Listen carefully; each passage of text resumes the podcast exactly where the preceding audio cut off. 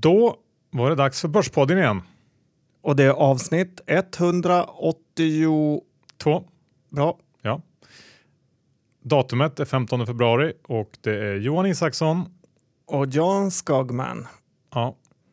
Det blev ett avsnitt den här veckan också Jan. Var lite tveksamt ett tag för vi har ju bägge två brottats med lite sjukdomar. Ja, 2017 är ett eh, riktigt dåligt eh, år. Jag sa att det skulle bli e-hälsans år. Jag undrar om det överhuvudtaget kan bli något hälsa det här året.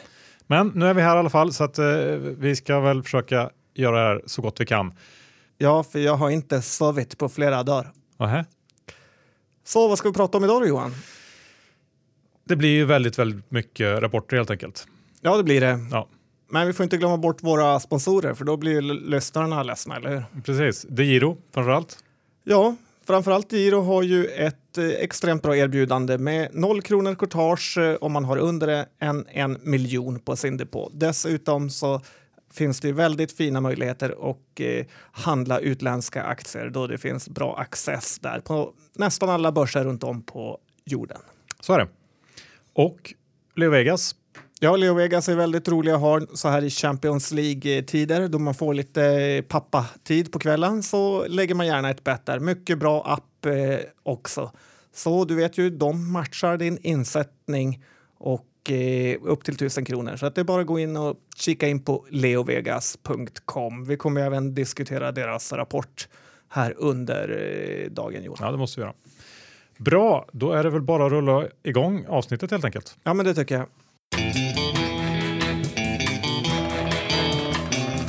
Doktorn, index står i 1570 och det är relativt haussigt eh, får man väl ändå säga så här på börsen. Det har brutit ur det här 1500-1550 eh, skiktet. Ja, det tycker du? Ja. Nej, men det är ju fruktansvärt haussigt faktiskt. Och visst är det så, det har brutit upp på något sätt och eh, om man ska lyssna på TA-gurun Johnny T. Ja, Orups eh, lillebror. ja, så säger väl han tror jag att vi ska upp någonstans en bit över 1600 nu som första hållpunkt. Och han säger säkert att vi ska ta ett nytt all time high också snart. Och eh, ja, det kanske blir så, jag vet inte. Um, Kavastu lovar ju dubbelsiffrigt i år. Ja, det gör han. Eh, Jag vet inte. Och eh, det, det som fick igång det här senaste glädjeutbrottet känns ju som att det var när Trump började snacka om, om det, här, eh, det här nya skattepaketet som, som han ska presentera snart. Där det ska bli riktigt stora eh, skattesänkningar helt enkelt över det- hela linjen. Borde vara väldigt, väldigt bra för börsen. Ja, man kan ju också tycka att lite av det borde vara inprisat. Men eh, ja, vi, vi får se helt enkelt vart det här slutar. Och eh, jag, tycker fortfarande, jag såg eh, det var en genomgång i Dagens Industri idag om rapportperioden och eh, där man ville få det till att rapporten helt enkelt pekade på att vi skulle fortsätta upp för att det hade varit en så fantastisk rapportperiod. Jag vet inte om jag håller med helt och hållet om det. Den har väl varit ungefär som de har varit tidigare. Lite, lite bättre, men eh, säkert så har förväntningarna kommit ner lite grann innan rapportperioden som det brukar vara och sen så slår man det lite, lite grann.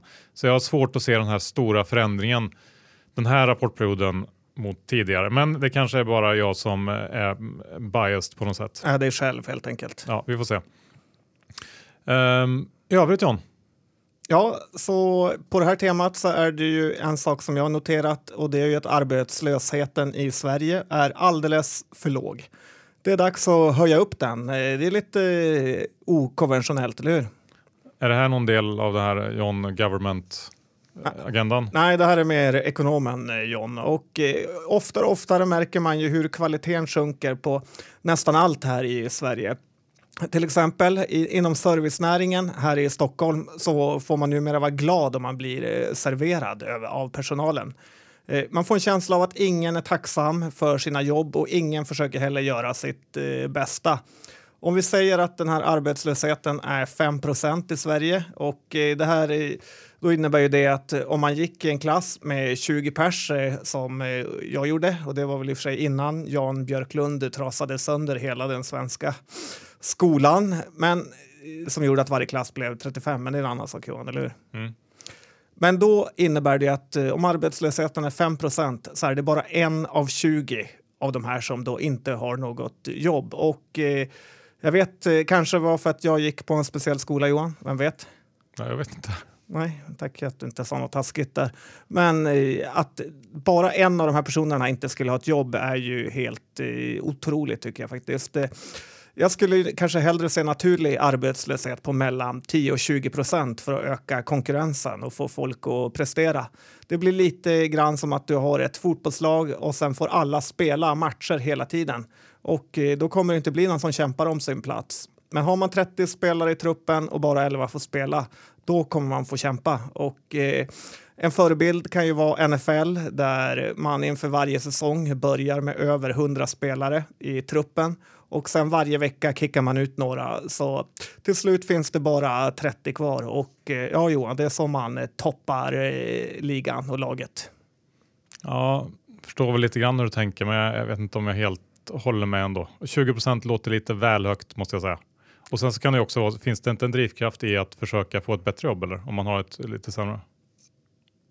Jo, det kan det vara, men det är svårt att få ett bättre när man inte ens presterar på där man är nu. Ja, okay. Mm.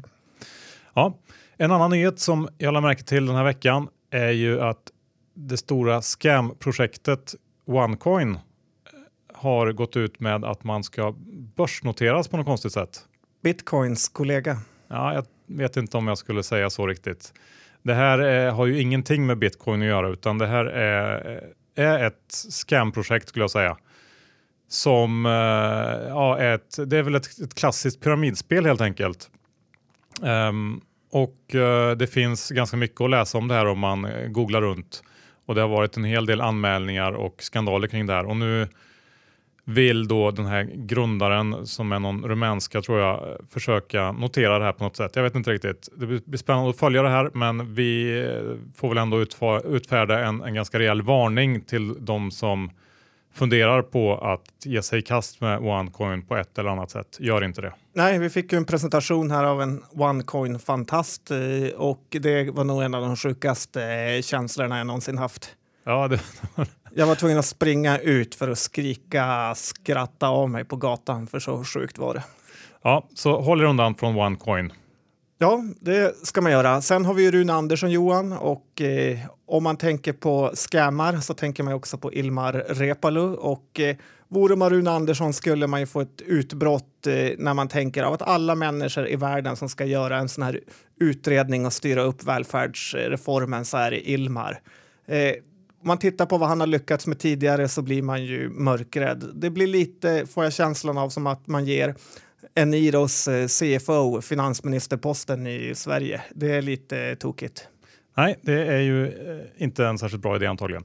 Och eh, jag tror att vi, vi försöker hålla första delen ganska kort idag eftersom vi har så mycket rapporter att prata om. Det enda jag vill eh, kanske avsluta med att säga är att eh, den härliga finansserien Billions har kört igång igen. Avsnitt, eller vad säger jag, säsong två har startat och det tycker jag är bra. Jag gillar den serien.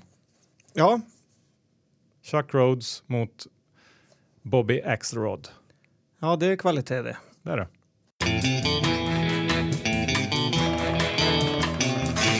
Okej John, rapporter. Det har ju kommit in en hel del rapporter och eh, ganska många av de här lite mellanstora bolagen har kommit in här i dagarna. Jag tänkte vi går igenom eh, ett gäng spelbolag idag. Eh, för där har det kommit in en hel del rapporter. Om vi börjar med de stora operatörerna Kindred, Betsson, så kom ju Kindred in igår. Kindregget. Exakt, före detta Unibet alltså, som nu bytt namn. Och det var en riktigt fin rapport. Växte 16% organiskt mot marknaden som bara växte 7 så man tar andelar. Eh, sportsboken, där kom marginalen in på 7 och det är i linje med eh, det historiska snittet men det var väl ändå en, en lättnad eftersom både William Hill och Ladbrokes har vinstvarnat eh, inför här. Så att det var nog, eh, det hade nog sänkt förväntningarna en hel del på den här rapporten.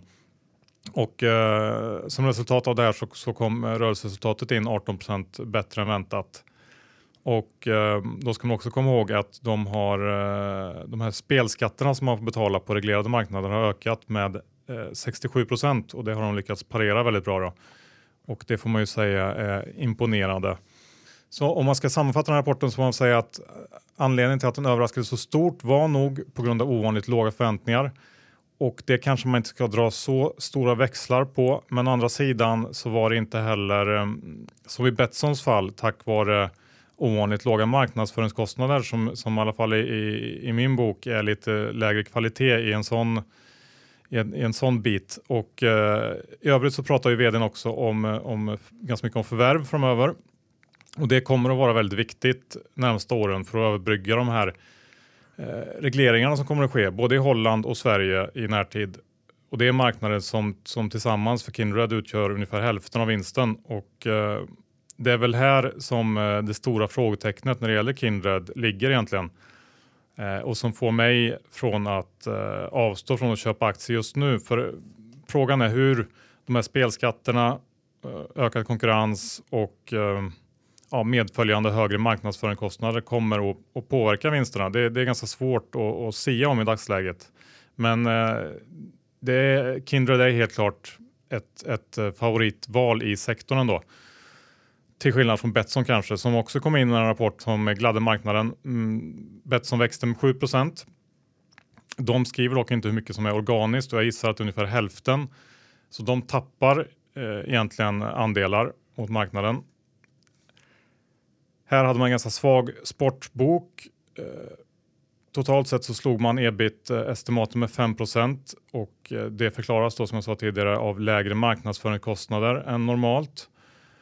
Och eh, dessutom så är det här Realm bolaget där Betssons turkiska intäkter kommer ifrån. Eh, det, där har man ett ganska tufft Q4 och eh, de har haft tufft en längre, längre period. Och det mesta pekar på att den utvecklingen kommer att fortsätta och det är fortsatt tycker jag en, en ganska stor riskfaktor i Betsson. Och sammantaget så tycker jag att marknaden gav lite för bra betalt för den här rapporten. Eh, jag tror aktien var upp 5-6 på, på rapportdagen och sen någon procent till dagen efter. Eh, för under ytan så är den inte särskilt bra.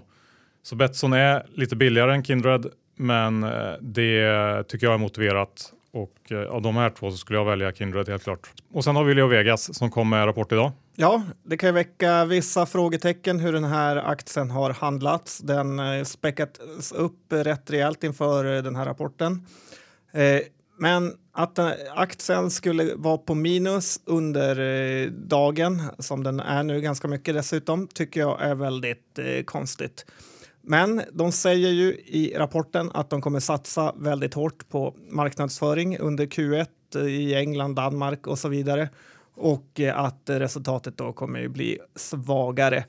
Eh, marknaden gillar ju hellre en fågel i handen än tio i skogen, så det är väl lite av anledningen här. Eh, Leo Vegas har ju nästan 10% av börsvärdet i kassa och inga skulder. Så eh, ge Leo Vegas lite tid så kan det nog vara ett, eh, en hyfsad trade kring 40 kronors nivån. Vad säger du? Ja, nej, men jag håller med. Eh, ja, jag tycker Leo Vegas har ehm, bevisat här i de senaste rapporterna att man, man liksom exekverar enligt den plan man har och eh, jag tror att eh, det, ser, det ser väl ganska sannolikt ut att man lyckas nå den målsättning man satt upp för, eller de mål man har satt upp för 2018 och då är ju den här aktien billig. Ehm, så att om man tittar på de här operatörerna, de tre vi har tagit idag, så skulle jag ändå säga att om man sätter upp någon slags liten portfölj av Kindred och eh, Leo Vegas så tycker jag det känns som att man har en, en, ja, en två spännande val där. Som, som bägge har fina kvaliteter på sitt sätt. Så att eh, absolut, ja, Leo Vegas var en fin. Den har ju för sig gått väldigt bra inför också den här aktien så att man får väl baka in det också i, i dagens uh, rapportreaktion. Absolut, men det intressanta var att det var precis så här förra rapporten med. Upp mycket för att sen falla tillbaka. Och eh, som Pareto skrev i sin analys som vi pratade om förra veckan att eh, lockupen i Leo Vegas går ut här i mars, vilket också skapar lite oro kanske. Så kan det säkert vara. Sen så kom ju också Catena Media med rapport idag. Ja, det är ju lite av en favorit hos många värdebloggare nu faktiskt. Ja, eh, har den poppat upp sån av någon, av någon anledning. Eh, den var ju också stark, men det var ju också väldigt förväntat att det skulle bli en stark rapport av Catena. Eh, även den har ju gått fruktansvärt starkt på slutet och eh, jag antar att det är därför vi ser det här kurstappet idag. Den är ner 4-5 procent eller något sånt. Eh, det var bra, men det var ingen, ingen liksom förvåningsfaktor i de här resultaten. Så att, um, Aktien är i princip tillbaka på samma nivå som det var för två dagar sedan. Ja, precis.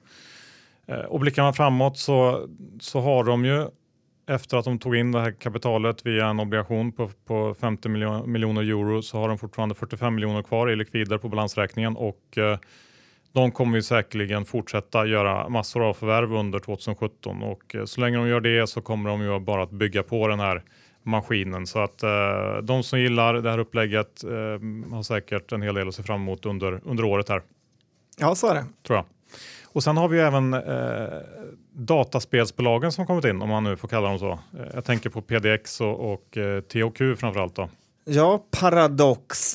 Eh, vill du höra lite skvaller där Johan? Ja, gärna. Det är ju så att Fredrik Wester är ju vd här och eh, när han bodde i Umeå hette han Lindgren efternamn och eh, kallades för Lingon och var faktiskt väldigt lovande i fotboll. Lite Jeppe Blomqvist eh, möjligheter. Sen drog han åt Stockholm och blev eh, lajvare. Så det var det vad jag hade. Ja, men det var, det var väl intressant. Eh, varför kallas han Lingon?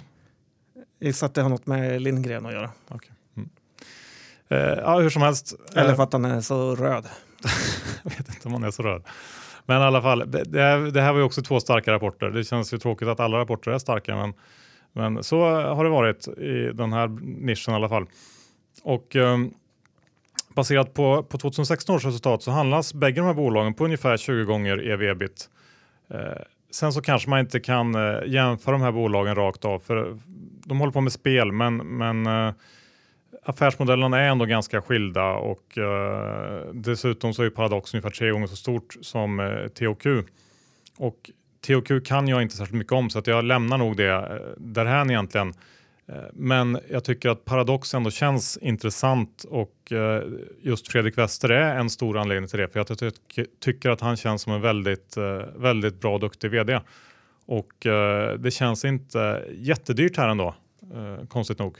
Nej, Lingon skrev ju ett helt fantastiskt vd-ord där han var väldigt håsig. Så att det är många som gillar det och många som gillar aktien om vdn är bra. Ja. Vi hade ju en jämförelse med Starbreeze och eh, Paradox för ett tag sedan då vi solklart valde Paradox. Eh, och det har ju varit helt rätt med tanke på hur Starbreeze har gått eh, sista månaderna. Ja, får man se om det blir så framöver också. Men, men det finns mycket spännande. De har ju eh, samarbeten med eh, Tencent och eh, mycket annat som som skulle kunna bli, eh, bli eh, väldigt stort framöver. Så att, eh, ja, kan vara ett bolag att hålla koll på helt enkelt. Bra, ska vi gå och byta bransch kanske? Eh, Thule.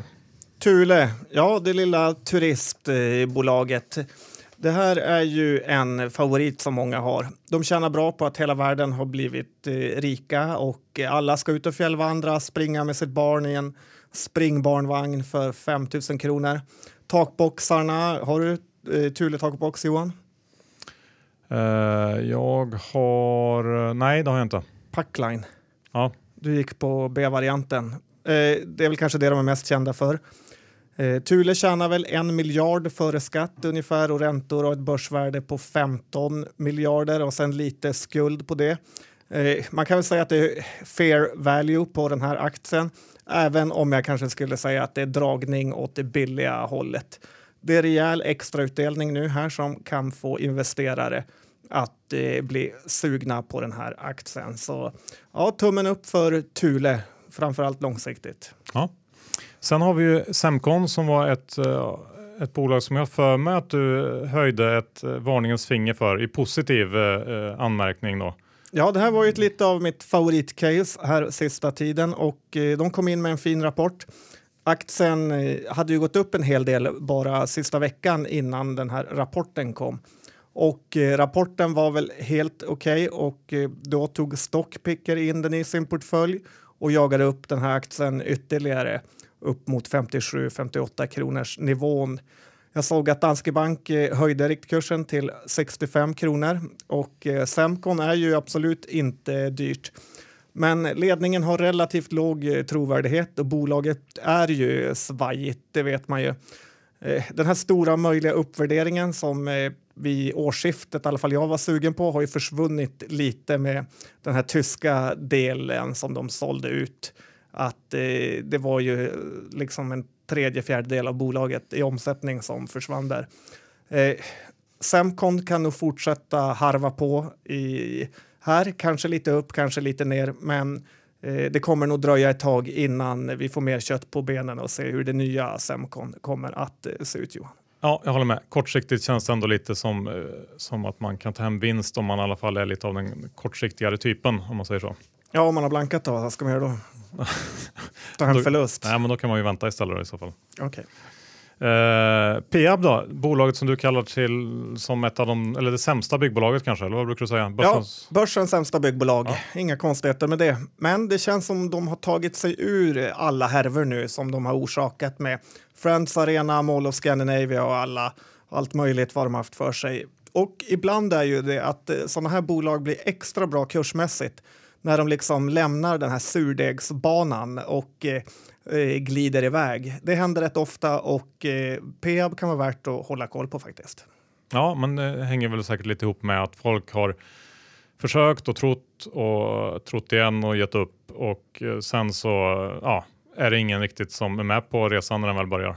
Nej, så är det ju. Tittar du på de andra byggbolagen, NCC, Skanska, så värderas ju de otroligt mycket högre.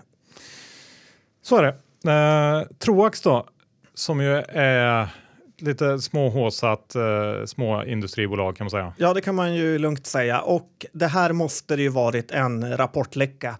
Aktien har ju gått otroligt bra innan den här rapporten och eh, rapporten var ju faktiskt väldigt bra också. Om man bor i en bostadsrätt så är chansen väldigt hög att ens källarförråd består av sådana här Troax-burar. De verkar ju ha ensamrätt eh, på det här även fast bolaget låtsas lite om som att de är någon typ av high-tech spelare som gör burar åt robotar och så vidare. Men eh, vi vet ju vad de är i grunden och eh, det var också en hel del engångsintäkter här då som vi hörde vdn prata om idag på EFN eh, Börslunch. Så att, eh, ja, just det, det var en hel del ordrar som hade kommit in i Q4 som kanske egentligen skulle vara till Q1. Ja, Troax över 220 spänn är ju för dyrt, så är det bara. Så är det. Ett bolag som däremot inte överraskade positivt var ju Avega. Det var en besvikelse får man säga. Det var det Johan och eh, det här är ett bolag som ska vara kvalitet, försöker de i alla fall själv utstråla. Eh, det är en it-konsult eh, som alla känner till vid det här laget. Eh, tyvärr lyckades ju de inte det här kvartalet heller. Det är inte dyrt, P12 ungefär, direktavkastning på ungefär 5 procent. Eh, men det är ändå något eh, som saknas. Att de inte ens lyckas komma över 10 miljoner i vinst eh, under Q4 när alla andra it-konsulter går som tåget eh, är ju dåligt faktiskt. Eh, Stockpicker tog in de här för en tid sedan i sin portfölj och det finns faktiskt en risk att vi har många besvikna ägare här. Jag ser ingen direkt större uppsida närmsta tiden och nej, Avega är inget för mig i det här läget. Nej, lossnar inte riktigt. Ett annat bolag som det inte lossnar för är Mekonomen. Har det någonsin eh, lossnat för dem Johan? Ja, det har, har det väl gjort. Eh, men ja, på nedsidan eller? De ramlade ner för stupet och kom aldrig upp. Nej, men du tänker kortsiktigt John. Men för, för länge sedan gick det bra. Men nu När du var tonåring? Nu går det inte så bra. Nej, det gör det verkligen inte. Det här bolaget gör det igen och eh, då menar man ju besviken. Det är ju så att eh, en del hävdar väl att eh, det är för bra konjunktur nu för ekonomen och eh, det är ju rätt eh, sjuk idé att man hellre köper nya bilar än reparerar sina gamla. Eh, och det här är ju lite av den gamla vd Håkans, Hockeyfrille Håkans eh, resonemang. Eh, mitt resonemang är väl mer att Mekonomen är ett riktigt misskött eh, bolag. IT-systemen är ju alldeles för dåliga. Innan jul så försökte jag boka en service på en bil Eh, och fick då svaret på hemsidan att det inte fanns några tider förrän i januari. Men eftersom jag vet hur dåligt eh, bolag med ekonomen är så ringde jag upp samma butik och då fick jag en tid eh, direkt. Likadant är det ju med deras butikslager som inte alls överensstämmer med verkligheten. Och det tråkiga eller roliga är ju att Mekonomen skulle kunna bli ett riktigt bra bolag. Men då känns det men då krävs det en rejäl förbättring på många plan och eh, man får Meko till ett eh, P-tal på eh, 17 kanske och en direktavkastning på 4 procent. Eh, så att, eh, det är ju absolut ingen katastrof om man väntar på en eh, turnaround. Samtidigt eh, så tycker jag att bolaget verkar sakna lite sjukdomsinsikt eh, själva och är typ nöjda med hur de presterar just nu. Nej, jag har svårt att säga emot dig där John. Eh, jag tänkte vi går över till Black Earth Farming. Beff. BEF ja. Eh, Det gamla ryska jordbruksbolaget. Där händer grejer. Ja, det gör det. Ja, de har eh, ingått något slags ramavtal för att sälja sina ryska verksamheter eh, till Volgo Donsel Kosinvest. Oj, du har pluggat eh, ryska på fritiden. Ja, jag kan en del ryska faktiskt. Eh, Eller Darknet. Den, den här affären väntas slutföras tidigast i april och eh, ska då ge någonstans cirka, eller kommer att finnas någonstans mellan 185 till 193 miljoner dollar att eh, delas ut till aktieägarna i BEF. Man ska alltså montera ner hela BEF sen och dela ut pengarna helt enkelt. Det motsvarar cirka 7,20 till 7,50 per aktie baserat på vissa dollar och rubelkurser. Och um, baserat på dagens kurs som är någonstans eh, 6,70 när jag kollade senast så ger 7,20 7,5 procent och eh, 7,50 ger ungefär 12 procent. Eh, och eh, det här är väl, jag har sett att eh, en del kör det här som någon slags parkera pengar trade och det låter väl eh, hyfsat vettigt ändå. Man får ju tänka på det finns ju någon, någon typ av eh, valutarisk i det och så finns ju den vanliga ryssrisken på något sätt. Att man är inte helt säker på eh, att den här affären genomförs och så vidare. Men ehm, ja, det skulle kunna vara en, eh, en intressant placering som är bättre än bankräntan. Ja, faktiskt. eh, Med tanke på hur länge aktien legat uppe på den här nivån så kan det vara ett bra bett att parkera. Ja, lite oroväckande att den är så svag, men det kan ju ha sina, sina naturliga orsaker ändå. Så att vi får se. Man ska nog, eh, skulle kunna lägga in en liten peng där faktiskt. Vi går över till, eh, ja, vad ska vi välja? Moberg kanske? Moberg Derma är vad de heter nu va? Ja, Bytt från Pharma. Nagelsvampsbolaget, om man nu kan heta det. Eh, Det här var ju en ganska stor besvikelse. Vinsten var utraderad till stort och eh, aktien har ju gått upp väldigt mycket innan eh, här. Jag såg att Börsplus tog ut den idag ur sin portfölj. De var väl besvikna på det här. Eh, det mesta av eh, förväntningarna ligger ju ändå i MOB 015 som är någon typ av forskningsprodukt de håller på med som ska ta deras hitpreparat en nivå till. Eh, det är både den stora triggern men även den stora risken. Du ska inte köpa Moberg för att kunna räkna hem caset utan det är det här man får hoppas på. Eh, jag är tveksam till eh, kursen efter sån här uppgång i alla fall. ja okej. Jag, jag tycker jag alltid har hört det innan i alla fall att man får den här MOB 15 lite grann på köpet. Ja, men det ska du inte lita på. Nej, jag brukar alltid vara skeptisk till sånt. Men mm. Vi får se helt enkelt då. IAR är ju en annan sån här aktie som har ballat ur fullständigt kursmässigt. Det har du helt rätt i Johan. Och det här kan ju vara ett av börsens mest övervärderade bolag på nivåer kring 200. Det är ett P-tal på 35 och eh, jag kan inte se någon uppsida på det här. Och eh, jag kan inte heller riktigt förstå hur den ens handlas på den här nivån. Men det är mycket man inte förstår på börsen, Johan. Ja, extremt mycket faktiskt. Så vi kanske bara ska lämna det där och konstatera att vi tycker att det är dyrt men, och inte förstår varför. Ja, Ja. Nilongruppen då, det är ju en sån här aktie som har blivit enormt älskad eh, bland småsparare och som kom med en rapport som utlöste kursfall igår. ja och jag var en av blankarsvinen, Johan. Kul. Ja, faktiskt. eh, För den gick åt rätt håll den här gången. Och eh, rapporten var ju inte som bullarna önskade. Kursen har ju kanske rusat iväg lite väl långt eh, sista tiden. Och eh, även om den har gått ner nu så är den ju inte jättebillig, kring 85 kronor. Sen får man komma ihåg att Q1 är ju ett, eh, eller det är det sämsta kvartalet för Nilörngruppen. Utdelningen som eh, vi har också sett fram emot är ju inte i närheten så hög eh, som den var när vi gillade Nilörn. Eh, jag tror de delar ut 3,60 nu. Orderboken såg bra, det får man ge dem, men jag tycker inte att det räcker här uppe i stratosfären som man lite coolt brukar säga. Eh, det krävs mer oxygen än så för att vara här uppe. Man har ju en kudde i och med att man har lurat in en hel del institutioner och gillar den här aktien och eh, de kommer nog inte släppa ner den jättelätt och fort som man kanske borde. Det är P-tal kring 15 nu och en direktavkastning på 4 procent och eh, ja, det räcker inte för mig för, på Nilan-gruppen. Räcker det för dig? Nej, det gör det inte. Oväntat. Nej, kanske inte, men eh, så är det i alla fall. Vi, ska vi gå över till Pricer som är ett sånt här eh, bolag som många har hoppats på i så många, många år och uh, blivit besvikna. Uh, vad tror du, är det på riktigt nu?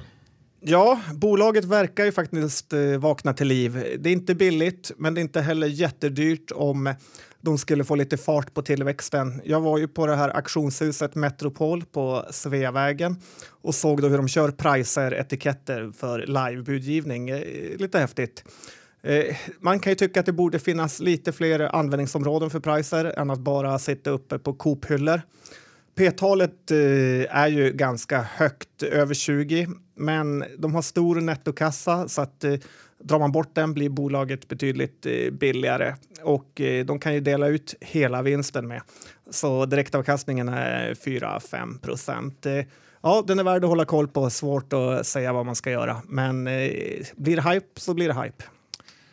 Precis. Och, ja, nej. Blir det inte hype så blir det inte hype. Så enkelt är det. Jag tänkte vi ska säga några ord om Saab också som ju har gått riktigt bra de senaste åren. Eh, men eh, tappa lite grann i samband med, med Q4 som kom häromdagen. Eh, och den var väl helt enkelt lite sämre. inga konstigheter så här egentligen. Och det man, man kanske framförallt gillar med Saab är väl att försvarsinvesteringar generellt ser ut och håller på att, att ticka upp. Många NATO-medlemsländer till exempel ligger inte i närheten av eh, den här 2% av BNP eh, gränsen som man ska lägga på. Och eh, Sverige som ju inte är medlem av NATO eh, behöver väl också kanske öka upp sin, sina försvarsinvesteringar en hel del. Och det ser, ja, det ser likadant ut på många håll runt om i världen och det här eh, är ju väldigt positivt för en spelare som Saab. Och, eh, Anfall är bästa försvar. ja, lite så. Och eh, man räknar ju med att, eh, att det kommer att, och siffrorna kommer att se väldigt bra ut för Saab de närmsta åren. Eh, och att man även ska kunna komma upp till sin, sin, sitt mål, lönsamhetsmål på 10 på, på rörelsemarginalnivå. Uh, och dessutom så har man, ju, har man ju chansen till fler sådana här stora jackpot-ordrar, Gripen-ordrar och så vidare. Så att uh, det, det, finns väl uh, fortsatt anledning till att tycka om Saab även om jag tycker att den har blivit lite väl dyr. Och då tänkte jag att det finns ju ett annat bolag som man skulle kunna titta på som man kanske inte pratar så mycket om som svensk och det är ju Kongsberggruppen i Norge som också har en hel del militär försäljning. Ja, de har ju föregångaren Saab JAS eh, 38 Gripen. Ja, precis. Ja. Det är den de har. Eh, nej, om vi ska vara lite seriösa så läste jag faktiskt här häromdagen om det, att de har ju eh, en möjlighet nu på att få en riktigt fet missilbeställning från Tyskland. 10 miljarder i någon slags motköpsarrangemang där, där eh, Norge ska köpa tyska ubåtar och, eh, och Tyskland då möjligtvis köpa missiler ifrån eh, Norge och Kongsberg för då 10 miljarder. Och eh, då ska man komma ihåg att Kongsberggruppen omsatte drygt 15 eller nästan 16 miljarder kronor 2016 och hade en, en orderstock på eh, knappt 17 miljarder här vid utgången av året. Eh, så det här är ju en, en jätteaffär i så fall för det här bolaget. Eh, jag har inte full koll på hur, hur den här aktien värderas. Jag tror att det är lite lägre än Saab i alla fall och eh, det kan i alla fall vara intressant att titta på som ett komplement kanske för eh, den som gillar Saab och eh, liknande defensiva investeringar. Ska vi gå över till den sista hållpunkten John? Börsens billigaste. Ja, men det kan vi göra och eh, det har ju kommit några rapporter nu. Jag har försökt eh, pricka ut dem jag tycker är billigast. Eh, eh det ena är Oscar Properties som kom med sin rapport och under 2016 så tjänade de 12,70 per aktie. Och det här är till en börskurs på 72 kronor. Så P-talet här är 5,5. Ja, det är projektbolag. Ja, det är superhög konjak. Och Johan, är räntorna på noll?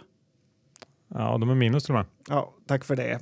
Men ändå säger jag, det här är lite väl billigt. För det känns ju ändå inte som att vi har en krasch här riktigt framför dörren, eh, i alla fall vad man kan se. Och eh, jag tycker också att eh, om man ska värdera Oscar Properties till 5,5 så kan man inte i närheten ha den värdering man har på JM eh, som faktiskt eh, de har nu där det är mellan P12 och 15. Jag har köpt lite aktier här och jag får se om jag bränner mig, men jag tycker i alla fall att det är värt en chansning. Eh, vad tycker du Johan? Nej, men jag förstår hur du tänker. Det, givet hur marknaden är så spontant, alltså, i grund och botten så håller jag kanske inte riktigt med ändå för att jag, ja, jag tycker att det är lite för risky. Men, men givet hur marknaden är i stort som ett relativt spel så håller jag väl ändå med dig kanske, måste jag motvilligt säga. Oj då, det var ju kul att höra.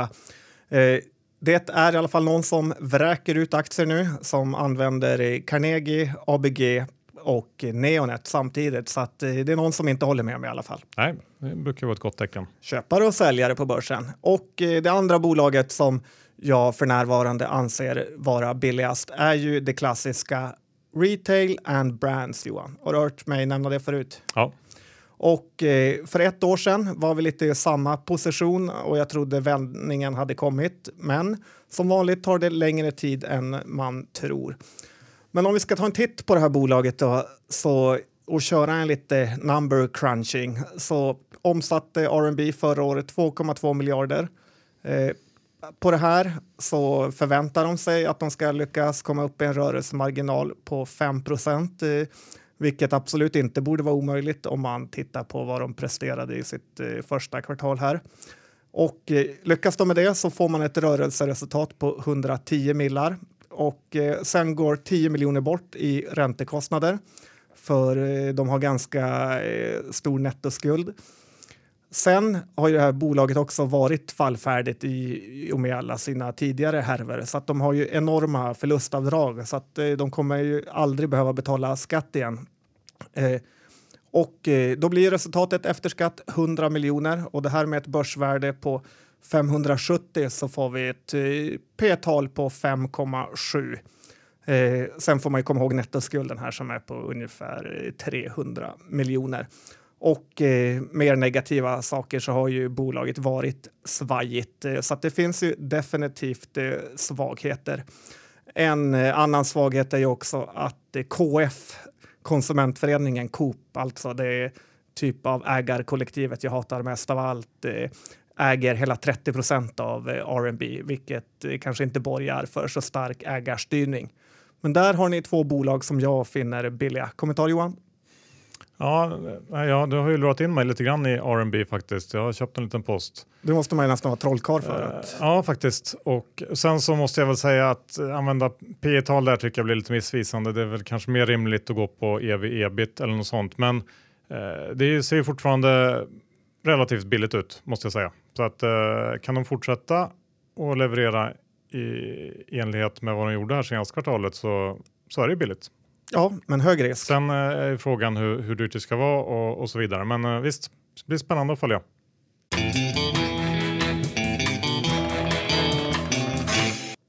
Avsnitt 182 är nu slut. Ja, och vi lever fortfarande. Up ja. and running. Så är det.